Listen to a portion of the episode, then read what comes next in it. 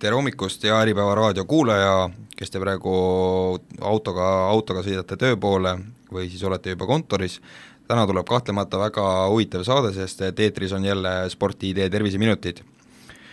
mina olen saatejuht Silver Laks ja minuga koos on siin nagu ikka spordi-idee peatreener Kristi Roosimägi, tere hommikust, Kristi! tere hommikust! No nagu ma juba mainisin, siis täna tuleb meil väga huvitav saade, sellepärast et äh, Kristi annab teile täna viis kasulikku nõuannet, kuidas juba täna te saate alustada oma tervisliku eluviisiga. et Kristi, ole lahke! esimese nipina tooksime välja selle, et äh, tarbige rohkem vett ja kohe hommikust alates, et alustage oma hommikuid sooja sidruniveega. see soe sidrunivesi on selline hea äratus kogu sinu kehale, et ta paneb meie seedesüsteemi mõnusasti tööle, ta muudab meie kehakeskkonda aluselisemaks ja, ja see enesetunne on sul kohe hommikust peale läbi juba selle sidunivee joomise siis väga hea. vaata üle, mida sa sööd sest see, mida sa sööd, see sa oled. ja see tundub ju väga lihtne, et see, mida sa suhu pistad, see jääb sinu keha sisse ja sellest sa ju tegelikult koosned.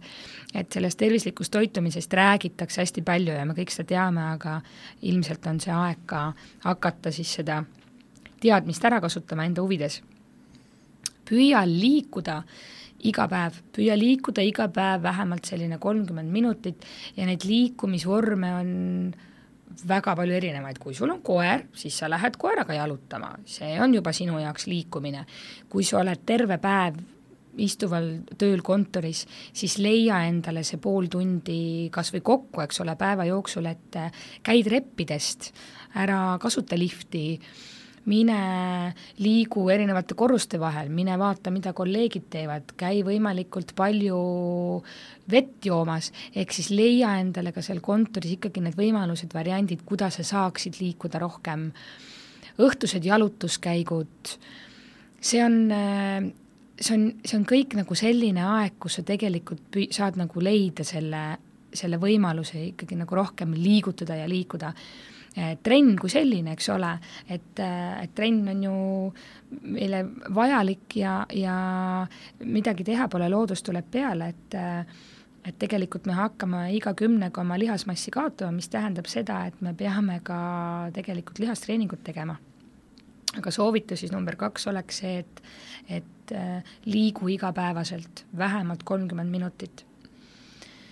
siit edasi soovitus number kolm, puhka anna endale aega, anna iseendale aega, seda puhkust on meil vaja, nii nagu, eks ole, et see areng toimub, kui me trenni mõttes vaatame, siis kui me puhkame, aga samamoodi on sul vaja aega, et taastuda oma tööpingetest, igapäevaelu stressist, et võta mine, võta hea raamat, leia nädalavahetusel võib-olla aega, et minna metsa, mine spaasse, ujuma, millal sa viimati massaažis käisid, et, et võta iseendale aega, puhka, lihtsalt ole, lugele, ära tee mitte midagi ja, ja sellest on sulle väga palju kasu.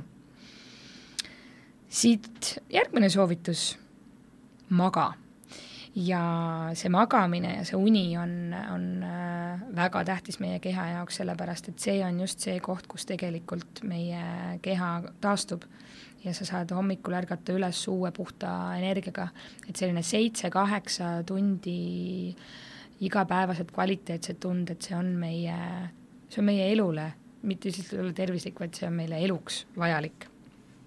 ja viimane soovitus minu poolt, vaat võib-olla veel kõige tähtsamgi, mõtle positiivselt.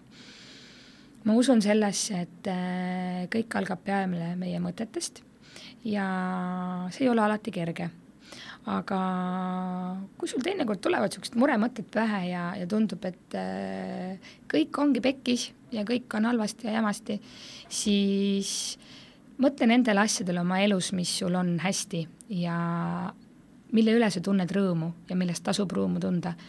ja kui sa tõepoolest ei leia ühtegi sellist asja, no siis on probleem päris suur ja, ja siis tuleb kiiresti otsida abi professionaalidelt. aga see positiivne mõtlemine ja et alati, et kõik on võimalik see, ma usun, et see on tervislik olemise juures üks kõige tähtsam soovitus.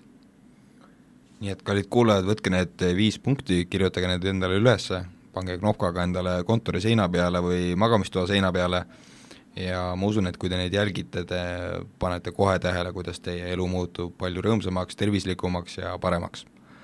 aga selliseks kujunesidki meie väga kasulikke nõuandeid täis terviseminutid ja kohtume teiega taas nagu ikka jälle nädala pärast. kaunist ja tervislikku nädalat meie poolt! kena päeva!